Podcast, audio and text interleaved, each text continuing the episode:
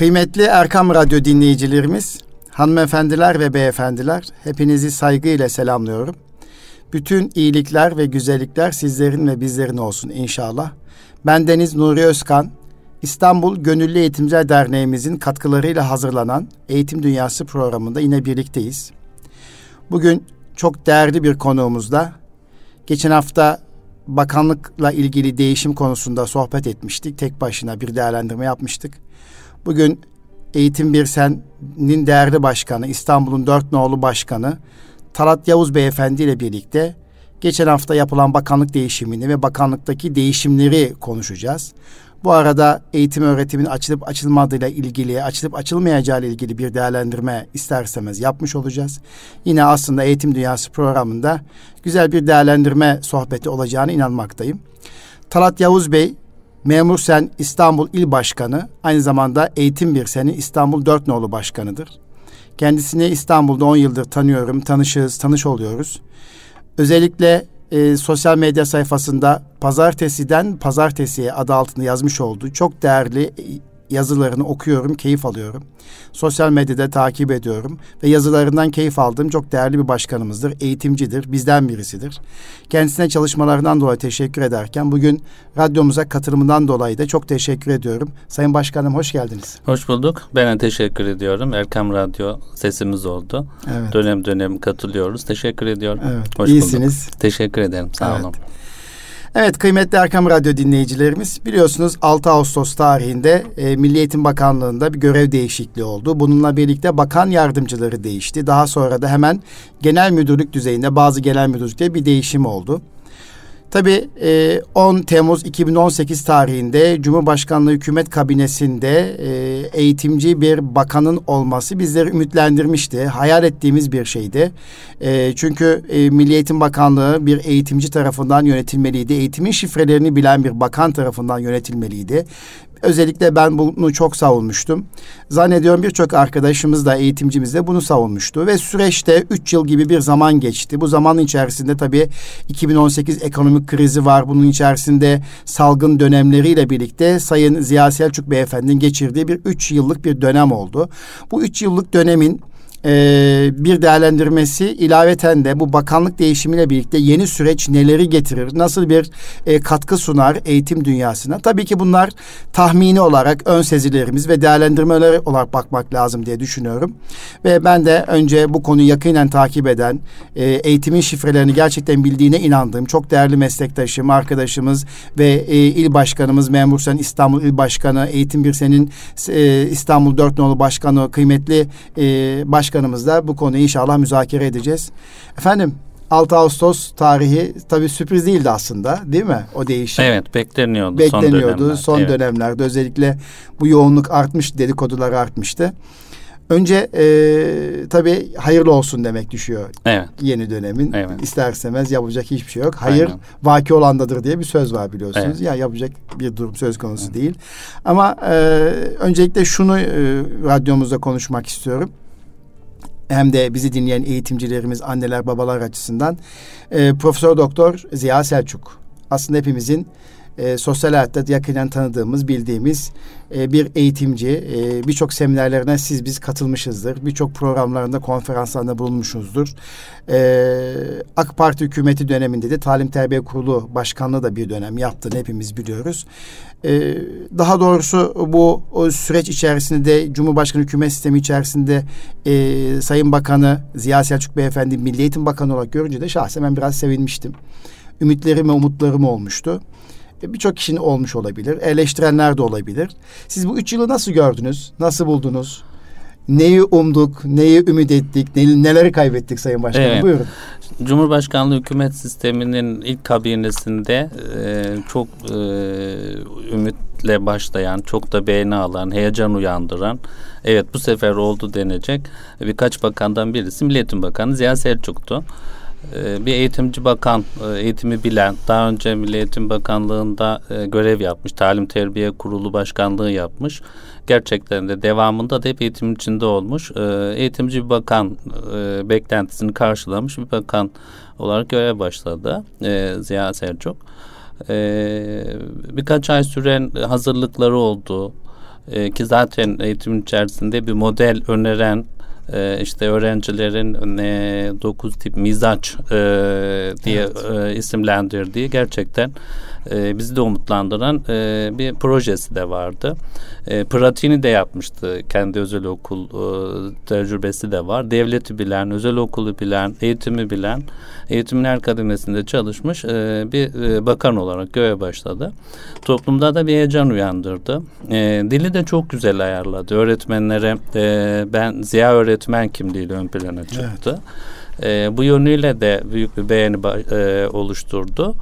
Ama zaman içerisinde e, tabii e, işte olumsuzluklar e, üst üste geldi. En büyük olumsuzluk da salgın oldu. Salgın oldu evet. E, tabii eğitim 2023 vizyon belgesi hazırlandı. E, ki e, vizyon belgesi gerçekten e, güzel hedeflerle somutlaştırılmış, takvime bağlanmış e, günümüzde e, bir bakanlığın, bir kurumun e, başarılı olabilmesi için yapılması gereken e, bir çalışmaydı ki bundan sonraki e, çalışmalara da ışık tutabileceğini düşünüyorum ben. Güzel e, bizim dünyamızdan e, kavramlarla e, gerçekten güzel hazırlanmış bir belgeydi. Bu dönemde e, tabii e, zorluklar e, üst üste geldi. E, Ziya Hoca'nın zaten Talim Terbiye Kurulu Başkanlığı döneminde de şanssızlıklar evet. yaşamıştı. Biz Ziya Selçuk Bey'le e, programımıza da davet etmiştik seninle olarak. Evet, evet. Daha önceki e, o dönemde de ben basından takip ediyordum ki o dönem çoklu zeka kuramı diye e, evet. e, eğitime çok şey kattı. Evet. Hani ezberci eğitimi e, bozmak işte evet. belli kavramlar aslında onun getirdiği kavramlar etrafında eğitim son 10 e, yıldır belki konuşuldu. Hani e, ezberci eğitim mi hayır e, işte bilgiyi depolayan değil bilgiye ulaşma yolları bunlar çok devrim gibi evet. kavramlardı. E, gönül isterdi ki bu üç yıllık süreç e, bu e, konuştuğumuz e, projelerin işte modelin e, biraz daha böyle eğitim sistemimize yön verdiği bir üç yıl olsun. Tabii şanssızlıklar oldu. Belki onlara da gireriz. E, ama bu üç yıllık dönem e, biraz hayal kırıklığıyla e, bitmiş oldu. Bu evet. anlamda da e, yine de teşekkür etmek lazım. En azından vizyon belgesi evet. e, bir eğitim dokümanı olarak kalacak. Eyvallah. Efendim teşekkür ediyorum. Tabii sizin de ifade ettiğiniz gibi e, 2018'den günümüze kadar geçen 3 yıllık süreç içerisinde dediğiniz gibi bir takım şanssızlıklar olmadı değil oldu. Ekonomik kriz bir kere evet. 2018'in Ağustos'unda Cumhurbaşkanı hükümet sisteminin ilk kurulduğu dönemlerde hemen bir krizle başladı. İşte e, sonra e, 2020'nin orta Mart'ından itibaren salgın süreci ki bir buçuk yıl sürdü bu salgın daha süreci da devam daha ediyor. da devam ediyor. E, özellikle bu salgın sürecinde bilim kurulu bir noktada bakanlığa yön verdi diye sanki öyle düşünüyorum ki hepimiz okullarla ilgili bir takım beklentilerimiz vardı. Onları yeterince karşılayamadık vesaire. Ama mesela dünkü Sağlık Bakanımızın açıklamasında daha net ifadelerle Sağlık evet. Bakanlığı okulla okulların açılması, yüz eğitime başlaması ilgili net bir irade ortaya koydu. Tabii bu da aşının e, işte yaygınlaşması evet. noktasında bir beklentisi olmakla birlikte. E, şimdi e, tabii sizin de ifade ettiğiniz gibi 2023 vizyon belgesini baştan sona okudum. Bütün kademelerde ciddi bir şekilde hedefler e, belirlenmiş, tarihler konulmuş ve bir kısmı da gerçekleştirilmeye çalışıldı ama bir kısmı da kamuoyunda kabul görmedi e, diye de e, düşünüyorum. Evet. Mesela liselerin dönüşümüyle alakalı bahsetmiştiniz e, daha önce bir görüşmemizde. Mesela o liselerin yeniden dönüşümüyle ilgili bir projesi e, bazı noktalarda sakıncalı görüp e, işte rafa kaldırıldı veya beklemeye alındı bilemiyorum sanki vizyon belgesi 2023 vizyon belgesi ile alakalı 3 yıl sonra bir raporlama olacaktı. Ki evet. Öyle diye hatırlıyorum Eylül Ekim aylarında. Tabii Ziya Hoca ayrıldığı için zannediyorum böyle bir raporlama bakan yardımcısı e, şu anda Milli Eğitim Bakanı Mahmut Bey tarafından yapılır mı bilemiyorum. Çünkü o vizyon belgesinde üçer yıllık bir dilimler adımlar oluşturulmuştu. Ama şöyle bir soru sormak istiyorum. 10 ee, Temmuz 2018'de e, Milli Eğitim Bakanı oldu. Ekim gibi vizyon belgesini açıkladı ve üzerinden yaklaşık 3 yıl geçti. O vizyon belgesini belge itibariyle siz takdir ettiğinizi evet. şimdi söylediğiniz ifade ettiniz. Ama bazıları uygulamaya geçti, bazıları uygulamaya geçemedi. E, uygulamaya geçme boyutuyla e, oradaki yazılanlar ne kadar uygulamaya geçti ve geçebildin? Yani bir puan verecek olursanız kaç puan verirsiniz? Hani kitapta, kağıtta güzel gözükür de uygulamaya geçebildi evet. mi? Ş- şöyle biraz daha geniş açıdan bakarak vizyon belgesine ve puanlamaya evet. gelelim. Ee, Ziya Selçuk'un e, Milliyetin Bakanlığı'nı devraldığı dönemde e, biz neyi konuşuyorduk? Önceden ne yapılıyordu? Oradan bakarak şimdi her bakanlık bir ihtiyacın üzerine e, değişime gidiliyor ve bir yeni dönem başlıyor. O dönem TEOK kaldırılmış. TEOK kaldırılmış. Cumhurbaşkanımız evet. bir yurt dışı seyahatine çıkarken e, basına e, TEOK'u kaldırıyoruz. E, bizim dönemimizde böyle sınav mı vardı? Herkes istediği mahalle okuluna evet. gidiyordu diye. E, önce herkese hoş gelen ama sonradan da e, hala izi devam eden bir adımdı o. Evet. E, TEOK'u kaldırmak e, en önemli beklenti e, bu dönemin 3 yıl öncenin en önemli kamuoyu beklentisi buydu. Hani sınavların baskısından eğitimi kurtarmak. Şimdi e, bu e, baskıyla e, hani eğitimde zaten dönüşümü yapmak istediğiniz zaman Türkiye'de şu anda buraya dokunmak lazım.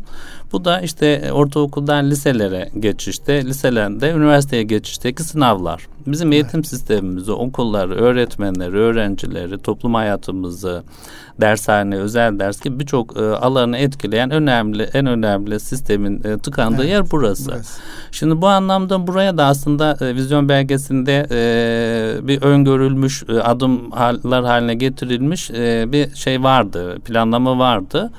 E, burada modüler sisteme geçiyordu. E, hem evet. e, işte Ziya Selçuk Hoca'nın e, işte e, öğrencileri mizacına uygun kendi ter hani öğrenciyi tanıyacağız. E, işte bunu da şöyle e, somutlaştırmıştı Ziya öğretmenimiz. Hani her öğrencinin, her yavrumuzun e, müfredatı kendi içinde saklıdır. Kendi hani biz öğrenciyi tanırsak ona e, kendi tercihleri doğrultusunda imkanlar sunalım. Ders e, bilim yani belli gruplar halinde dersleri gruplandıralım. Öğrencimiz yeteneğine göre rehber öğretmenlerin, e, sınıf öğretmenlerinin işte ailesinin tercihiyle o gruplardan dersler seçerek bunu oluştursun diye. Tabii bu biraz e, Türkiye'deki e, işte siyasi dengeler, beklentiler, işte eğitim alanında e, yaşadığımız kocaman bir background, mücadeleler, işte 28 Şubat'ın izleri, imam hatipler. Bütün bu dengelerin içerisinde bu hesap edilerek yapılmalıydı. Böyle bir şanssızlık yaşadı e, evet. o lise modeli. Hani imam hatipleri biraz e, tercih edilmez e, duruma e, getirecekti ki bu e, gerçekten de böyleydi. E, buradan e, aldığı yarayla bir daha toparlayamadı lise modeli. Arkasından da salgın süreci geldi. Bir daha da buraya dönüp hani işte okullar açılacak mı, kapanacak mı, işte e, hibrit eğitim nasıl olacak, internet ulaşamayan öğrenciler artık bir zaman sonra salgın şartları kendi e, kurallarını işletmeye başladı. Bir daha da geri dönüp lise modeline e, yeniden bir dizayn etme şansı olmadı. Evet. Ve e, vizyon belgesinde 100 puan versek uygulamasında herhalde bir 40 falan vermek evet. durumunda kalacağız. Baya bir e, eksik kalmış diyorsunuz. evet, evet, evet. Yani tabii evet. bunun gerekçeleri var. Evet, haklı gerekçeleri gerekçe, de var. Hani haksızlık etmemek tabii, lazım. lazım. Bu salgın süreci. E, tabii e, Türkiye bu bir buçuk iki senedir ciddi şekilde e, hem kendi e, ülke sınırlarımız içerisinde hem çevremizde hem de e, dünya gündeminde uğraşılan bir ülke. Zor bir coğrafyada yaşıyoruz. Sadece ekonomik e, baskılar, salgın süreçleri, e, belki Milli Eğitim Bakanlığı'nın hala iradesinin e, iktidarda olan kişilerin elinde olmaması gibi bir takım e, şeyler de tartışılıyor. Hala Milli Eğitim Bakanlığı'na ilgili olarak e, hükümetten yönetmediği, iktidara gelenin yönetmediği ile alakalı da inanmıştık. Artmaya başladı. Ben de artmaya başladı. Yani e, bir takım o, o müfredat hazırlanmada bile Talim Terbiye Kurulu Başkanı bir önceki başkan ciddi bir şekilde hazırlık yaptı ama uygulamaya geldiği zaman e, dirençle karşılaştı. Dirençle karşılaşıldı. Evet. E, işte vizyon belgesinde çok güzel sizin dediğiniz gibi kaleme alınmış bizim ruhumuzda okşayacak ülkenin de genel soruna parmak basmış hususiyetler vardı. Ee, evet mazeretler olmakla birlikte uygulamaya geçirilemedi bazı noktalarda. Ee, arka planda Milli Eğitim Bakanlığı yönetim süreci acaba iktidarlarda değil miydi? İnsan aklına böyle bir soru geliyor. Oradan da şöyle gelmek istiyorum konuya. Ee, bir milyonun üzerinde öğretmen camiası var, eğitim camiası var. Ee, birazdan da belki geleceğiz yeni atanan bakanla alakalı olarak ama e, neden bir eğitimci baka eğitimci birisinin bakan olmazsa mutlu olmuştuk? Yani diyorduk ki biz sınıfa girmiş, öğrencinin başına okşamış, göz teması kurmuş, sınıf yönetme becerisinden okul yönetme becerisine yükselmiş, oradan il ve ilçe yönetim becerisi kazanmış birileri artık eğitimin şifrelerini belki akademik e, anlamda değil ama uygulama bakımından bilir. Çünkü bunu yönetmiş bir kişi gerçekten hakikat anlamda yönetmiş birisi bakanlıktaki öğretmenin derdini bilir, onun motivasyonunu sağlar. Yöneticilerin derdini bilir, onun motivasyonunu sağlar. Bu anlamda neden içimizden birileri Milli Eğitim Bakanı olmaz e, derken bir profesör bir eğitim öğretim görevlisi oldu. PDR alanında uzmandı. Ama e, profesör olmak, e, teşkilat kurma, takımı yönetme, veya e, makalede satırlarda yazılanları uygulamaya dökme anlamında ben de artık bir nokta bu kanaatim vardı ama bu tek başına yeterli değil şey oluştu bende. Siz öyle düşünüyor musunuz? Kesinlikle öyle düşünüyorum. Ee, yani e, eğitimi bilmek başka bir şey. Evet. Bir e, kocaman bir yapıyı yönetmek, e, oradaki koordinasyonu sağlamak, e, işte oradaki direnç noktaları, eskiden gelmiş problemler, onları baş ederek istediğiniz hedefe doğru yönlendirmek başka bir şey. Tam da böyle burada sıkıntı yaşadı aslında e, Ziya Selçuk. Çünkü e, bakanlık birimleri e, tam böyle koordinasyonsuzluğun e, asıl e, işte kamuoyuna yansıdığı salgın sürecinde biz gördük. Evet. Yani e, işte bir genel müdürlüğe bağlı okullar açılırken bir genel müdürlük okullara yazı yazmayı unuttu.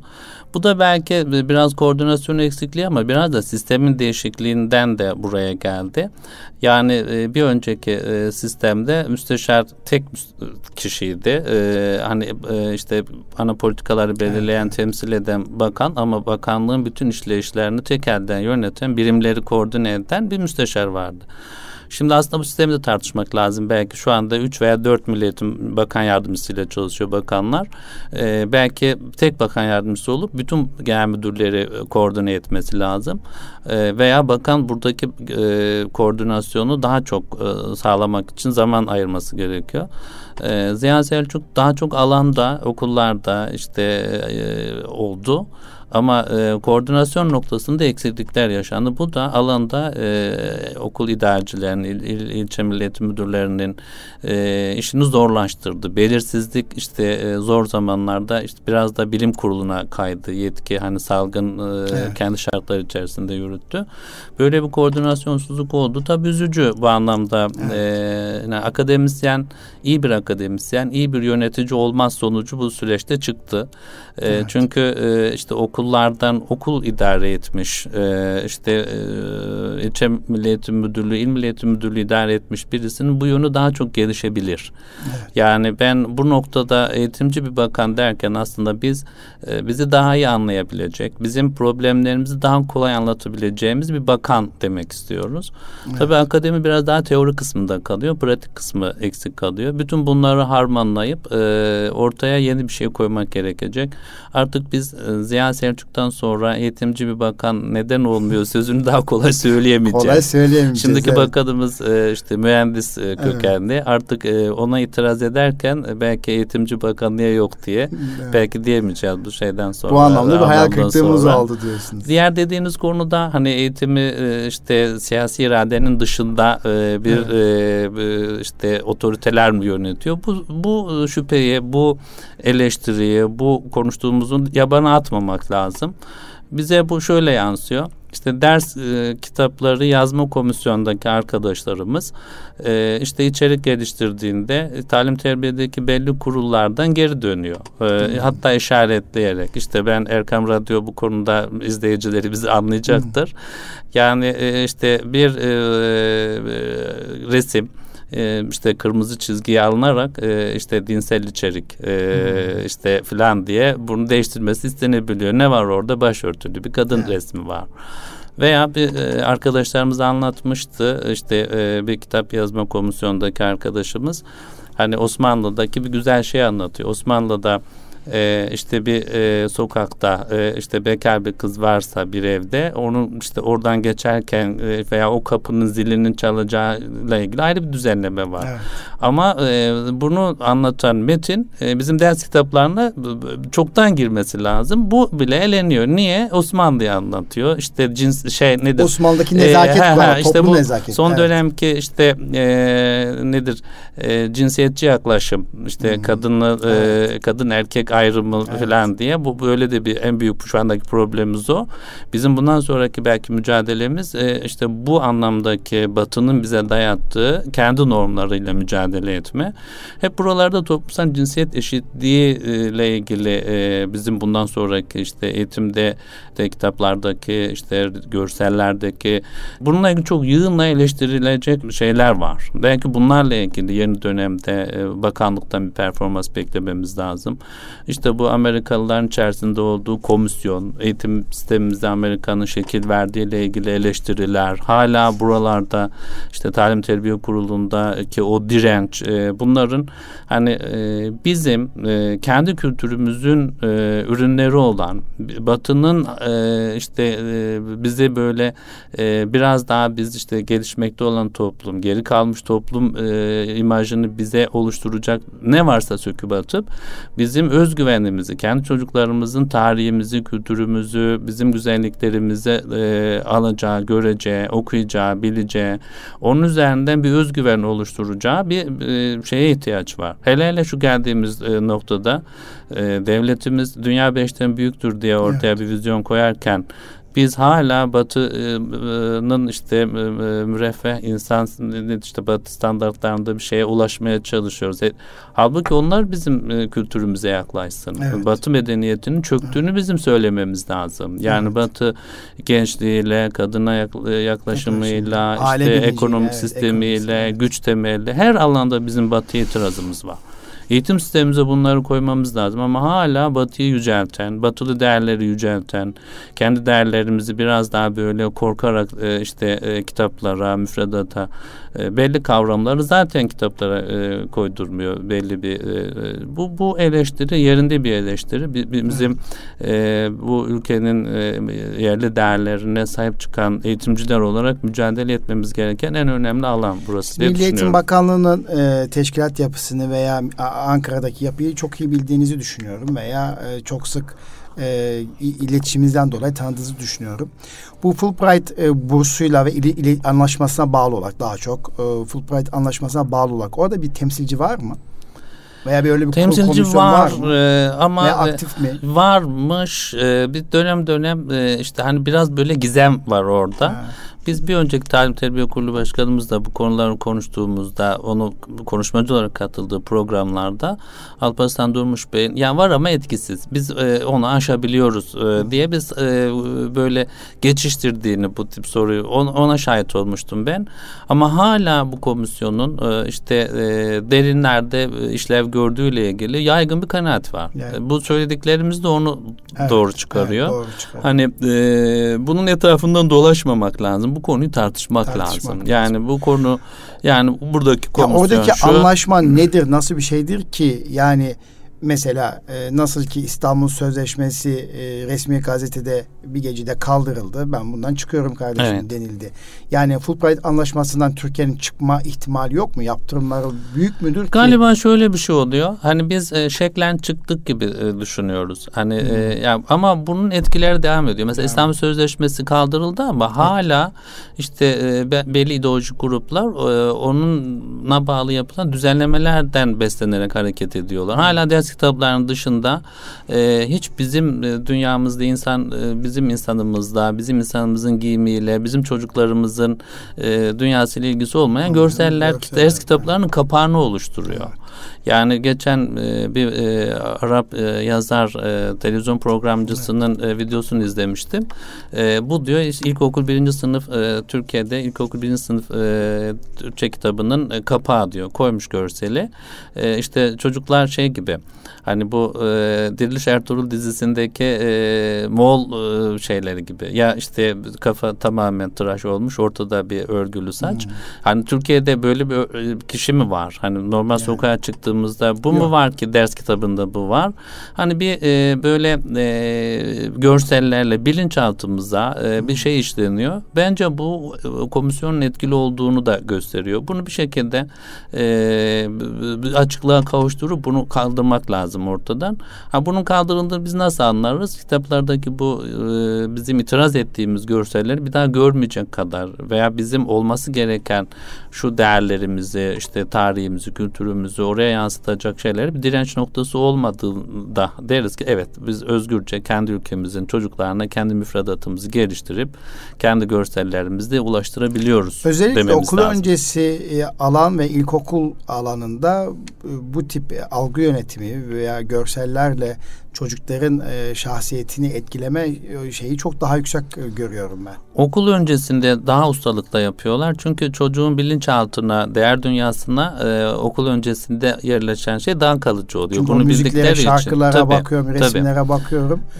Yani bizim kültürümüzden uzak. İşte bunu yani evet. daha önce e, yılbaşlarında yapılan eğlencelerle, mezuniyet törenlerinde veya herhangi işte belli gün ve kutlamalarda çocukların giysileriyle, işte e, kalemleriyle, çantasıyla, oradaki görsellerle e, neden bizim dünyamızdan birileri olmasın? Neden çocuğa bir karakter e, kazandıracak bir hikayenin kahramanı görsel olmasın? E, böyle bakmak lazım.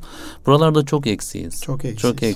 Onun için evet. bu tartışmaları evet. yaban atmamak gerekir diye düşünüyorum. Ama bu tartışmalarla ilgili olarak da tabii Eğitim bir sen güçlü bir sendika. Ee, artık bazen sayfalarına, raporlarına da bakıyorum, okuyorum. Ciddi araştırma sonuçta yayınlayan bir e, sendika.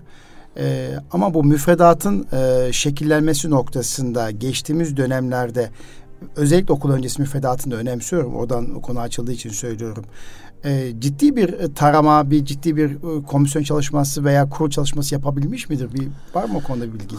Var. E, bizim eğitime bakış diye bir dergimiz, raporlama sistemimiz işte 2016 e, yılından itibaren evet. özellikle e, eğitim bütün e, belli parametrelerde işte her yıl grafiklerle ifade ettiğimiz ve anketlerle akademik bir kadroyla yaptığımız çalışma var.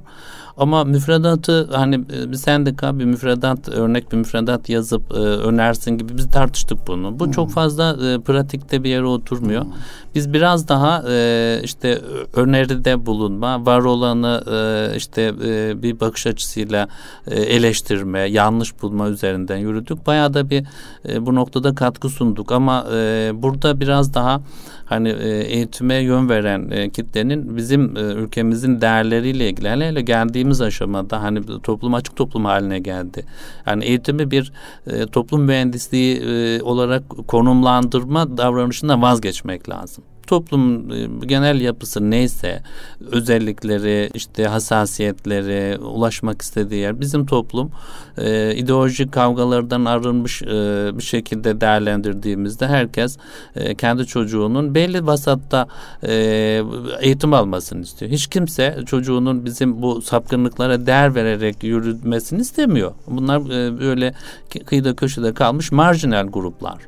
Ama onlar sanki daha kolay etki ediyor e, bu şeye. Biz sendika olarak bu noktada daha çok hani e, yanlışları e, tepkilerle düzelten, bir, psikolojik baskı oluşturan, toplumda e, bu anlamdaki olumsuzlukları birebir gün yüzüne çıkarıp e, işte yöneticiler üzerinde baskı oluşturan yönümüzle e, geldik. Sonradan da raporlaştırmayla içerikli ama müfredat yazma şeyiyle ilgili tabii çok teknik bir e, konu. Hatta bunu da tartıştık biz. Yani e, sendika olarak böyle örnek müfredatlar yazılabilir mi diye. Ama ders kitaplarında e, kitapların içeriğinin oluşturulmasında çalışan arkadaşlarımız, işte doktora, yüksek lisans e, yapan arkadaşlarımızın buralardaki katkılarıyla belli bir yere getirdik. Ama bundan sonra da tabii takibimizin devam etmesi ee, lazım daha önce çok sık düşündüğüm ama şimdi siz söyleyince de aklıma geldiğim bir e, aklıma gelen bir şey. E, şimdi Türkiye geniş bir coğrafyada yaşıyor e, ve her bölgenin kendi kültürü var. Ama bir de e, Türkiye'nin genel kültürü var. Bir de dünyanın evrensel değerleri var. E, yaşadığımız süreç içerisinde de Türkiye'de gördüğüm müfredat birliği anlamında hem değerler bakımından hem içerik bakımından bir bütünlük çok sağlanamayacak gibi gözüküyor. Bu tartışma el elbet devam edecek. E, şöyle bir durum çok mu sıkıntı yaşa, yaşatır Türk eğitim sistemi açısından? Yani 3-4 tane e, onaylanmış müfredat olur. Okullar o onaylanmış müfredattan bir tanesini kullanmayı tercih eder ve yayınlar. Yani ben şu müfredatı takip ediyorum. Örnek biz özel okulcu olduğumuz için işte Oxford'un bir müfredatı var. Cambridge'in bir müfredatı evet. var. Kendince müfredat bir program var aslında belki. Ona dayalı kitapları var. İşte diğer biz bakıyoruz, e, inceliyoruz. Diyoruz ki biz Oxford ağırlıklı bir program, ona da bir program kullanmayı düşünüyoruz. Onun kitaplarını alıyoruz diyoruz. Yani işte onun görsellerini, içeriğine ortaya koyduğu dijital programa vesaire. Yani öbür taraftan başkası da öbür yayını seçiyor. Mesela Türkiye'de bu e, Türkiye'nin geleceği açısından milli birlik ve bekası açısından sıkıntı oluşturur diye mi tek bir müfredatla biz yürüme çalışması ve gayret içerisinde oluyoruz? Çünkü müfredat birlikteliği bana çok zor gibi geliyor bu süreç içerisinde. Kim gelirse gelsin öbürü başka bir şey diyecek. Ben başka bir şey diyeceğim. Hep bu tartışma devam edecek. Şimdi eğitimde e, yani zor bir soru. E, şöyle e, ben şuradan geleyim sorunuza. Şimdi eğitimle ilgili genel eleştiri çok değişiklik yapıldığına dair. Sürekli sistem değişiyor. Sürekli işte her gelen bakan değişiyor. Hatta işte AK Parti'nin iktidarlar döneminde 8. Evet, Milliyetin Bakanı oldu diye. Ama şöyle de bir görüş görüş var.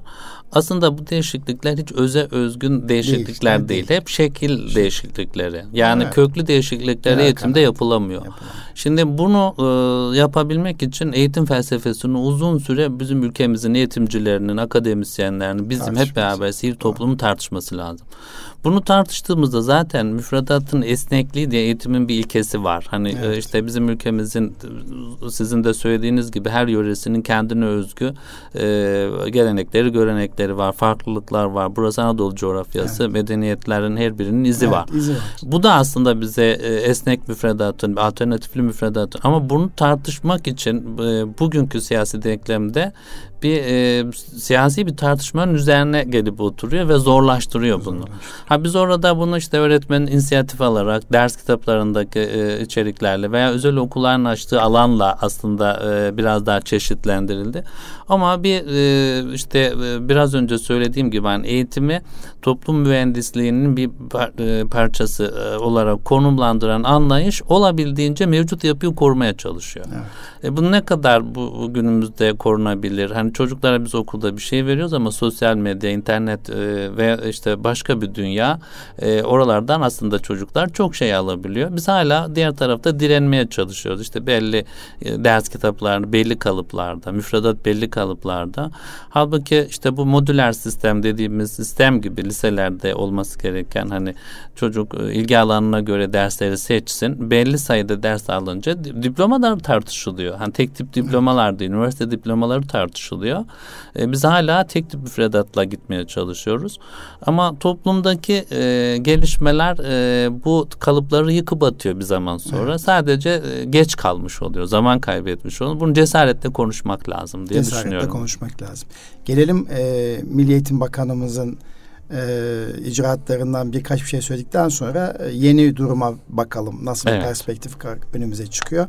Tabii Sayın Bakanımız, eski Bakanımız Ziya Selçuk Beyefendi'nin benim için hoşuma giden tarafı da bu kriz dönemlerinde çok fazla sahada olması, çocuklar iç olması, öğretmenlerin motivasyonu dilinin güçlü olması ben çok takdir ettim. Tabii bu şöyle bir eleştiri aldı. Ya biraz güzel sözlerden çok icraata bakalım evet. gibisinden evet. hem sizin pazartesiden pazartesiye yazmış olduğunuz yazılarınızda da zaman zaman değindiniz. Ve artık birçok insanın da artık yeter Sayın Bakanım güzel sözlerine hayranız. Evet e, tweetlerinizi seviyoruz, sizleri seviyoruz ama biraz daha icraat bekliyoruz dediği e, nokta olmuştu. Neyse bununla birlikte alın vakı teri kıymetlidir deyip e, Sayın Bakanımıza, Ziya Selçuk Beyefendi hocamıza e, biz teşekkür ederken gelelim yeni duruma. Evet. Şimdi yeni durumda da bakan yardımcısı e, bildiğiniz gibi Milli Eğitim Bakanı oldu. Bundan önce farklı isimler de kamuoyuna yansıyor idi. E, o yansıyan isimlerle birlikte nasıl bir değerlendirme yaparsınız? E, Sayın Mahmut Özer Beyefendi. O da profesör, akademisyen. E, uzun süre bir üniversitede rektörlük yapmış. E, buraya gelmeden önce de dün de baktım. E, üç tane şu anda bakan yardımcısı gözüküyor. E, ikisi profesör, birisi doktorasını yapmış. E, işte sosyolog, e, eğitim teknolojileri değil mi? Öbürü de e, Sadri Bey de e, herhalde Ölç, ölçmen, ölç, ölçmen, ölçmenci evet. gibi herhalde. görev dağılımlarına baktım. Biraz şaşırdım tam Ahmet Emre Bilgili Beyefendi Özel Eğitim ve Rehberlik Hizmetleri Genel Müdürlüğüm olur diye düşünmüştüm. Tabii spesifik alanları söylüyorum hepsini değil. O tam tersi Özel Öğretim Genel Müdürlüğü olmuş. E, Petek Aşkar hanımefendi Özel Eğitim Rehberlik Hizmetleri Genel Müdürlüğü'nden sorumlu bakan yardımcısı. Ve aynı zamanda şey Orta Öğretim Genel Müdürlüğü'nden sorumlu. İşte e, Sadri Bey de e, zannediyorum Temel Eğitim Genel Müdürlüğü'nden sorumlu ve ölçme derneği hizmetlerinden vesaire. Böyle de bir görev dağılımı çıkmış. Şimdi e, böyle bir durumla birlikte genel müdürlükte de değişme oldu. Evet, bayağı Siz daha önce Ziya Hoca'nın zamanında da bir hızlı bir değişim olmuştu. Evet. Tepki yazınızı hatırlıyorum. Evet. Kazandıklarımızı kaybediyoruz demiştiniz. Evet. O, o psikolojiyi de biliyorum. Şimdi oradan başlayarak yeni durumda her bakanın değişiminde Ziya Bey zamanında da hızlı bir şekilde genel müdürlükler değiştirildi. Ee, çok değer verdiğimiz e, eğitime katkı sunan birçok kişiler de alınmıştı. O zamandaki eleştirilerinizi hatırlıyorum. E şimdi de benzer bir durum oldu. Hemen bir genel müdürlük düzeyinde yapılanma oldu. Bu böyle olmak zorunda mı? Ki Mahmut Bey zaten düne kadar onlarla çalışıyor idi. Evet. E, bu işin doğasında mı var? Siyasetin doğasında mı var veya yönetim organizasyonunun doğasında böyle bir şey var mı? Mesela ben olsam e, tanıdığım kişilerse ciddi bir e, hatalar yoksa ki zaten ben oradaydım çalışıyordum değiştirmezdim diye düşünüyorum. Ama hadi bir tanesi iki tanesi değiştirdim ya benim kafamda uyuşmuyor ben zaten beğenmiyordum çalışmalarını derim ama 13 tane genel müdürlükten 8 tanesinin değiştiğini Evet. e, ben bugün haberlerde okudum. Siz nasıl değerlendiriyorsunuz? Nasıl görüyorsunuz? Şimdi e, burada çok uzun konuşabiliriz Evet. bu konuyu. E, Ziya Selçuk'un dönemi e, tabii büyük umutlarla başladı. Sonra e, hani iyi bir dil, iyi bir iletişim, e, işte e, iyi bir vizyon belgesi. Bir zaman sonra sosyal medyanın gücüne e, kaldı iş. Yani sosyal medyada işte e, sürekli etkinlik paylaşımları, bir problem olduğunda bakanımıza destek, ondan sonra bir de e, devlet hiyerarşisi içerisinde e, işte şu tweet'i çoğaltıyoruz, hep beraber paylaşın. Biz buralara itiraz ettik. Yani bu doğa sürecine bırakmak lazım diye. E, tabii e, orada sıkıntılar işte e, belli gruplar, belli klikler, belli eski yapılar, işte e, devam eden eskiden gelen e, problemli yapılar e, oralarda alanlar buldu kendilerine. Şimdi her döneme yeni umutla bakmak lazım. E, bu düzeyde, bakanlık düzeyinde e, işte görev alan böyle bizim ülkemizdeki en ağır alan e, bir şekilde kendi en yakın çalışma ekiplerini oluşturmasını hoş karşılamak lazım. Ama e, kıyasladığımızda hani gelenler gidenler kıyasladığımızda daha iyi eğitimi bilen, daha bu noktada işte hani bugünün e, toplumunun işte siyasi iradenin beklentilerini gerçekleştirecek isimler, kişiler olması lazım. E, bizim duyarlılıklarımıza, hassasiyetlerimize, bizim e, işte bu daha önce yaşadığımız sıkıntılara, buralara saygı duyması. Şimdi bu noktalarda e, biraz çekincemiz var yeni dönemle ilgili. Şöyle bir avantajı var e, yeni Milliyetin Bakanımızın e, hani üç yıldız zaten e, bakanlıkta olduğu için yani e, her e, işte aldığı, aldığı inisiyatifin e, bir e, gerekçesi bir açıklaması vardır diye düşünüyoruz. Hani bunu e, biraz hoş karşılıyoruz ama bu denli bir tasfiye e, işte daha bu devam edeceğe benziyor alt kadrolarda. E, bir zaman sonra e, to- toplum şunu sormaya başlar. Hani e, tamam bu kadar ekibini oluşturdun ama hala problemler devam ediyor. Buraya yansıması lazım. Ben e, yeni kadroda e, hani eğitimle ilgili yani e, akademideki hani üniversitedeki e, işte e, bir e, ekibin bir üniversite yönetmiş bir ekibin aynı şekilde Milli Eğitim Bakanlığı'nı da üniversiteye yönettiği gibi yönetebileceği fikrinin çok tutarlı olacağını düşünmüyorum. Değil mi? Öngörüm o. Evet. Yani bunlar ayrı ayrı e, şeyler. Evet. Yani şu fikir hani kişilerden bağımsız düşünürsek işte üniversitede başarılı e, aynı şekilde Milli Eğitim Bakanlığı'nda da başarılı olur fikri tutsaydı belki Ziya Selçuk başarılı olacaktı. Evet. Veya eğitimde hani işte bir okulun başına e, bu söylediğim biraz tehlikeli bir şey söylüyorum belki. Hani e, işte bir akademisyen, Akademisyen. getirdiğimizde o okuldaki bütün öğrencilere akademisyenin e, işte ak- bilgilerinden bir şey şey yansır, yansır. Bunlar farklı şeyler. Yani oradaki yönetici... Birkaç uygulamada oldu ama tutmadı. Tutmadı. tutmadı yani mi? bizim tahminimiz öyleydi. Şimdi böyle bir çekincemiz var. Hani baştan söyleyeyim. Ama e, biraz daha bu böyle bir yapı. Hani e, orada eğitimin üç yıl içinde olan, işte daha önce YÖK'te çalışmış, eğitimle bir şekilde e, haşır neşir olmuş e, işte Milli Eğitim Bakanımız e, yeni dönemde oluşturduğu ekiple daha önce yaşadığımız koordinasyonsuzluğu ortadan kaldırır. Problemlere daha hızlı müdahale eder. Planladıklarını daha hızlı hayata geçir, geçirir. Salgın bir müddet daha işte kendi şartlarını devam ettirecek. E, onu belki biraz daha rahat yönetiriz ki geçen döneme göre tabii aşının da etkisi var. Belki o olabilir. Ama eğitimde toplum neyi bekliyor? Siyasi irade biz neyi bekliyoruz e, diye baktığımızda e, benim Ziya Selçuk döneminde yaptığım eleştirilerinin temelinde şu vardı. E, hani e, sisteme dokunmadan alanda yapacağınız e, işte konferanslar, e, işte atölyeler, ondan sonra öğretmen buluşmaları, liyakat tartışmaları bunlar yani sistem üzerinden yürüyerek şekillendirmek lazım. Şimdi ben açık söyleyeyim hani Mahmut Özer Bey'in Milletin Bakanımızın bakan yardımcılığında alanındaki işte meslek liselerinde bir okul projesi vardı. Baştan aşağı yanlış bir proje. Net söylüyorum yanlış bir proje. Bin okul projesi. Bin okul projesi. Mantığı şu. Hani biz okulları iyileştirelim. E, meslek liselerini güçlendirelim. Velilerimiz, insanlarımız meslek liselerini daha tercih etsinler. Anadolu liseleri rahatlasın. Şimdi okulun e, donanım olarak e, hani fiziken iyileştirilmesi e, bir yere kadar etki eder. Ama bugün herkes biliyor ki bütün hani öğretmenler, veliler e, çocuğunun önce iyi bir fen lisesine, sosyal bilimler lisesine, iyi bir Anadolu lisesine, sınavlarını okullara, onlar olmadı mahalledeki en iyi Anadolu lisesine yerleştirmeye uğraşıyor. Sonradan meslek lisesinde. Şimdi siz sistemde şunu yapmazsanız hani her öğrenci her okula gidebilir e, fikrini tartışmak lazım. Yani e, bazı öğrenciler e, bazı şartları sağlamadığı zaman bazı okullara gidememeli. Bu sonuçta böyle oluyor.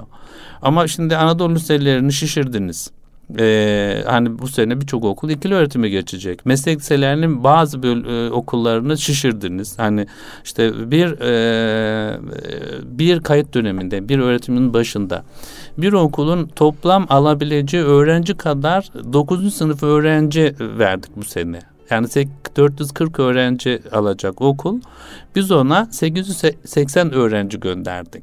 Ya. Şimdi bu okul nasıl dönecek? Nasıl 4 yılını nasıl planlayacak? İkili eğitime geçmiş meslek lisesi nasıl bir eğitim yapacak? Kışın mesai günlerini kısa saat 9'da başlayıp 7'de başlayıp gece 9'da bitecek ki saat 4 çeyrekte akşam ezanı okunuyor e, kış mevsiminde.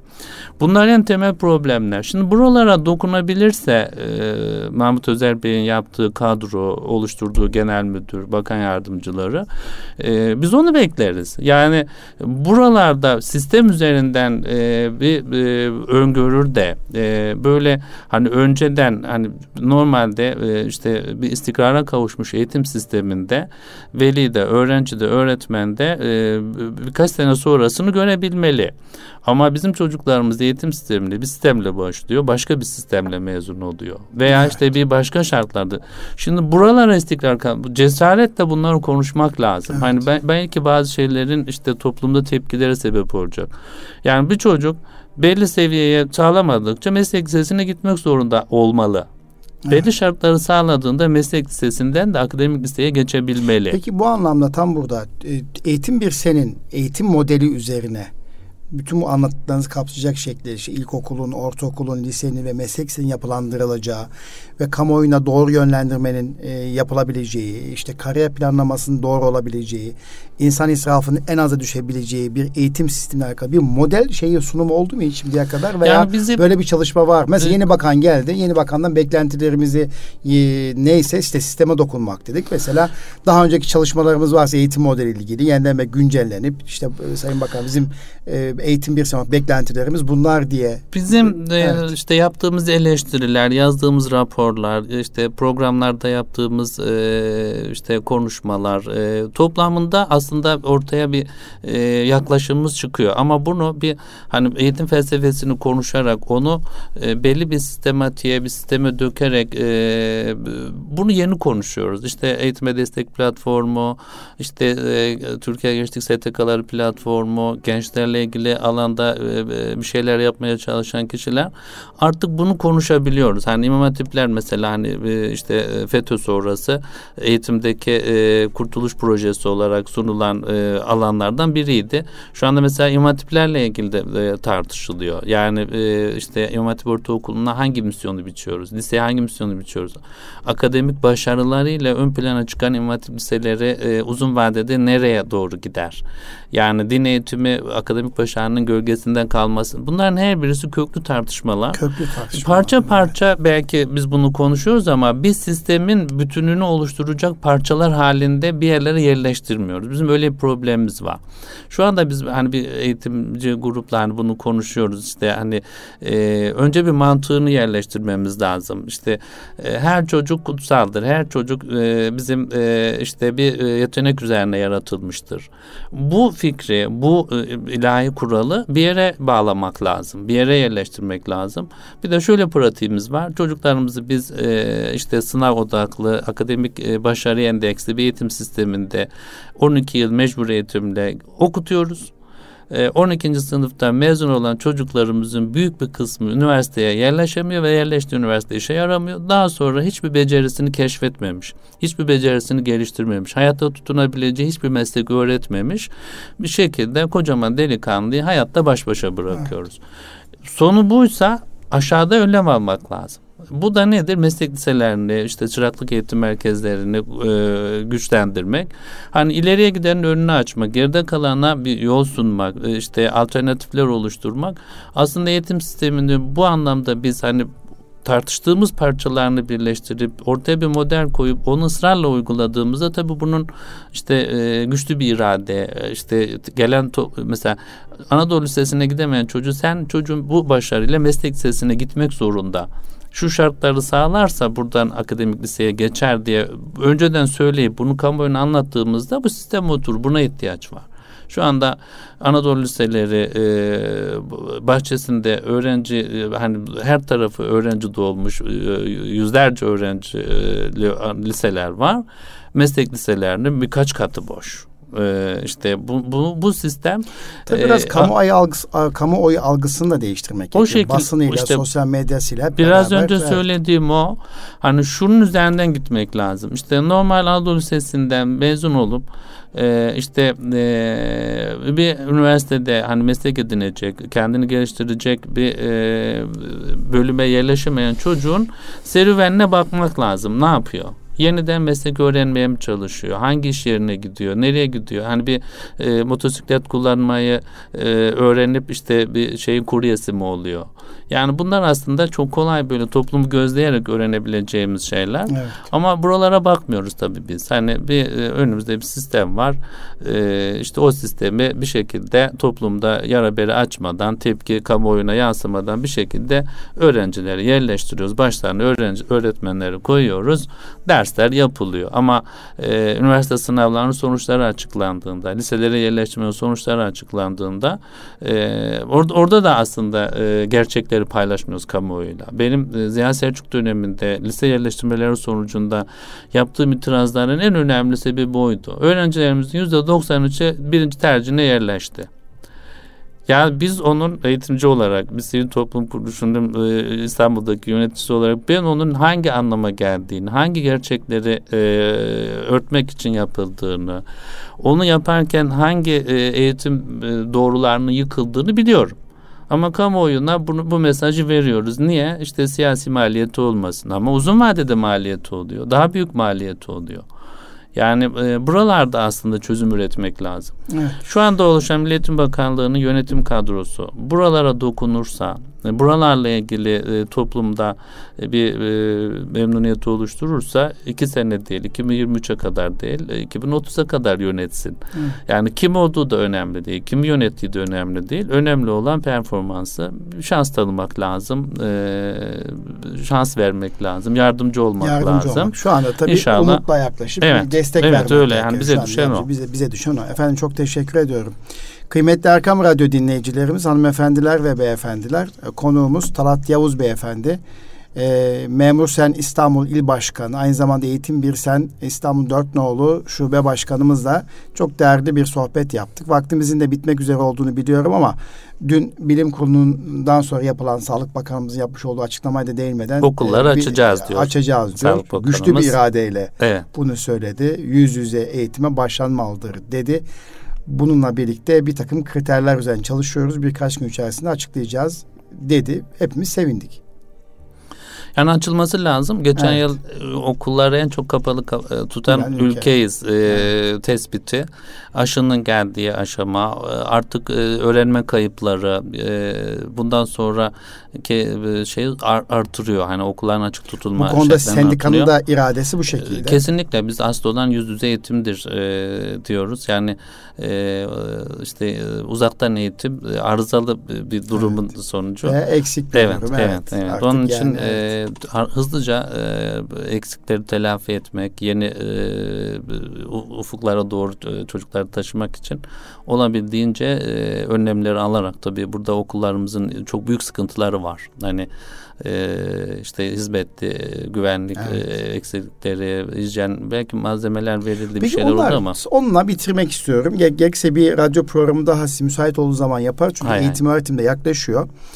E, bu çok konuşuluyor ilkokulların resmi okullardan bahsediyorum. Evet. İlkokul e, e, merkez hükümet bütçesi ve Milli Eğitim Bakanlığı bütçesi, işte liseler bütçesi, liseler bütçesi var, ilkokulların bütçesi, ilçe Milli Eğitim Müdürlüğü'ne ait. Ben özel okulcu olduğum için bunları bilmiyorum evet. ama siz daha iyi bilirsiniz. Evet.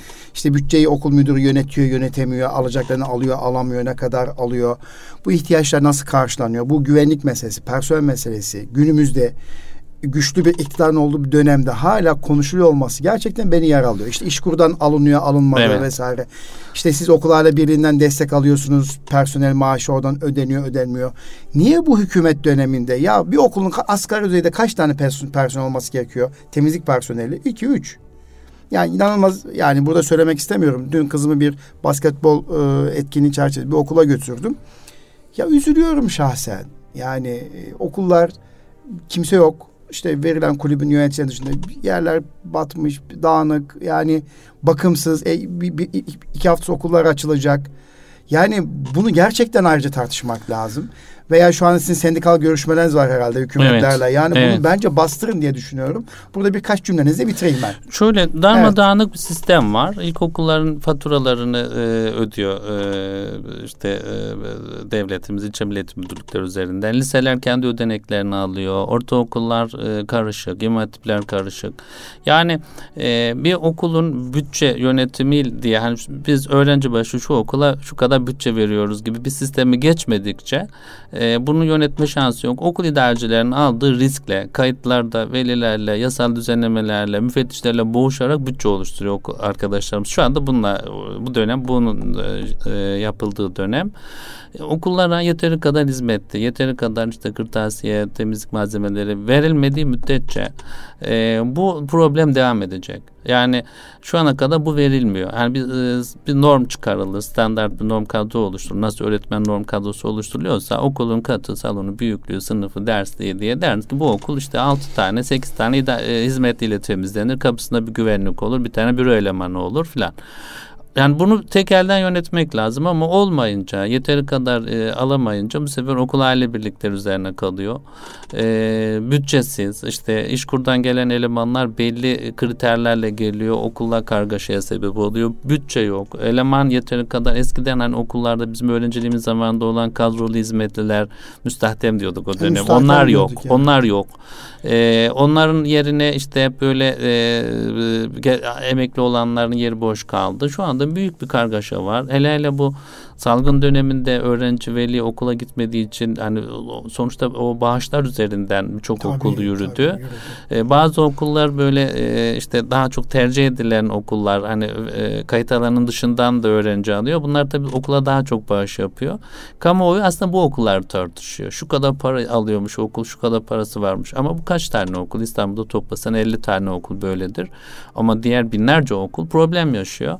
Bu bir, bir şekilde e, bir bütçe ayrılarak çözülmesi gereken bir şey. Milli Eğitim e, bayağı bir bütçe alıyor ama personeli fazla. İşte okul evet, yatırımları evet. şey büyüyor. Nüfus hani hmm. yeni okul yapımları geliyor. 2020 bütçesi. Büyük bir sıkıntı 2019 bu. bütçesi Milli Eğitim Bakanlığı bütçesinin yüzde 86'sı insan kaynakları İnsan, gidiyor. Tabii personele gidiyor doğal olarak. Yani, hani orada biz böyle bir öz okul yönetse kapatırız öz okulu. Evet.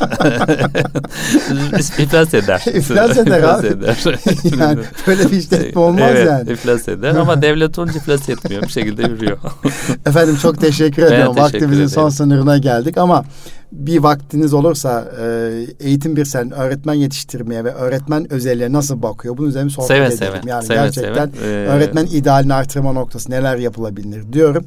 Efendim kıymetli Erkam Radyo dinleyicilerimiz keyifli bir sohbet oldu. Ben Talat Yavuz Beyefendi'ye çok teşekkür ediyorum. Eğitim bir senin İstanbul Dört Dolu Şube Başkanı ve e, Memur Sen İstanbul İl Başkanımız e, değerli e, Talat Yavuz Beyefendi bize zamanını ayırdı. Keyifli bir sohbet ettik. E, mevcut süreci değerlendirdik. Geçmiş süreci süreci değerlendirdik. Kısacası biraz dedikodu, biraz e, içerisinde e, dokundurmalarla olan bir sohbet oldu. Çok teşekkür ediyorum. Ben efendim. teşekkür ederim. Ee, sağ olun.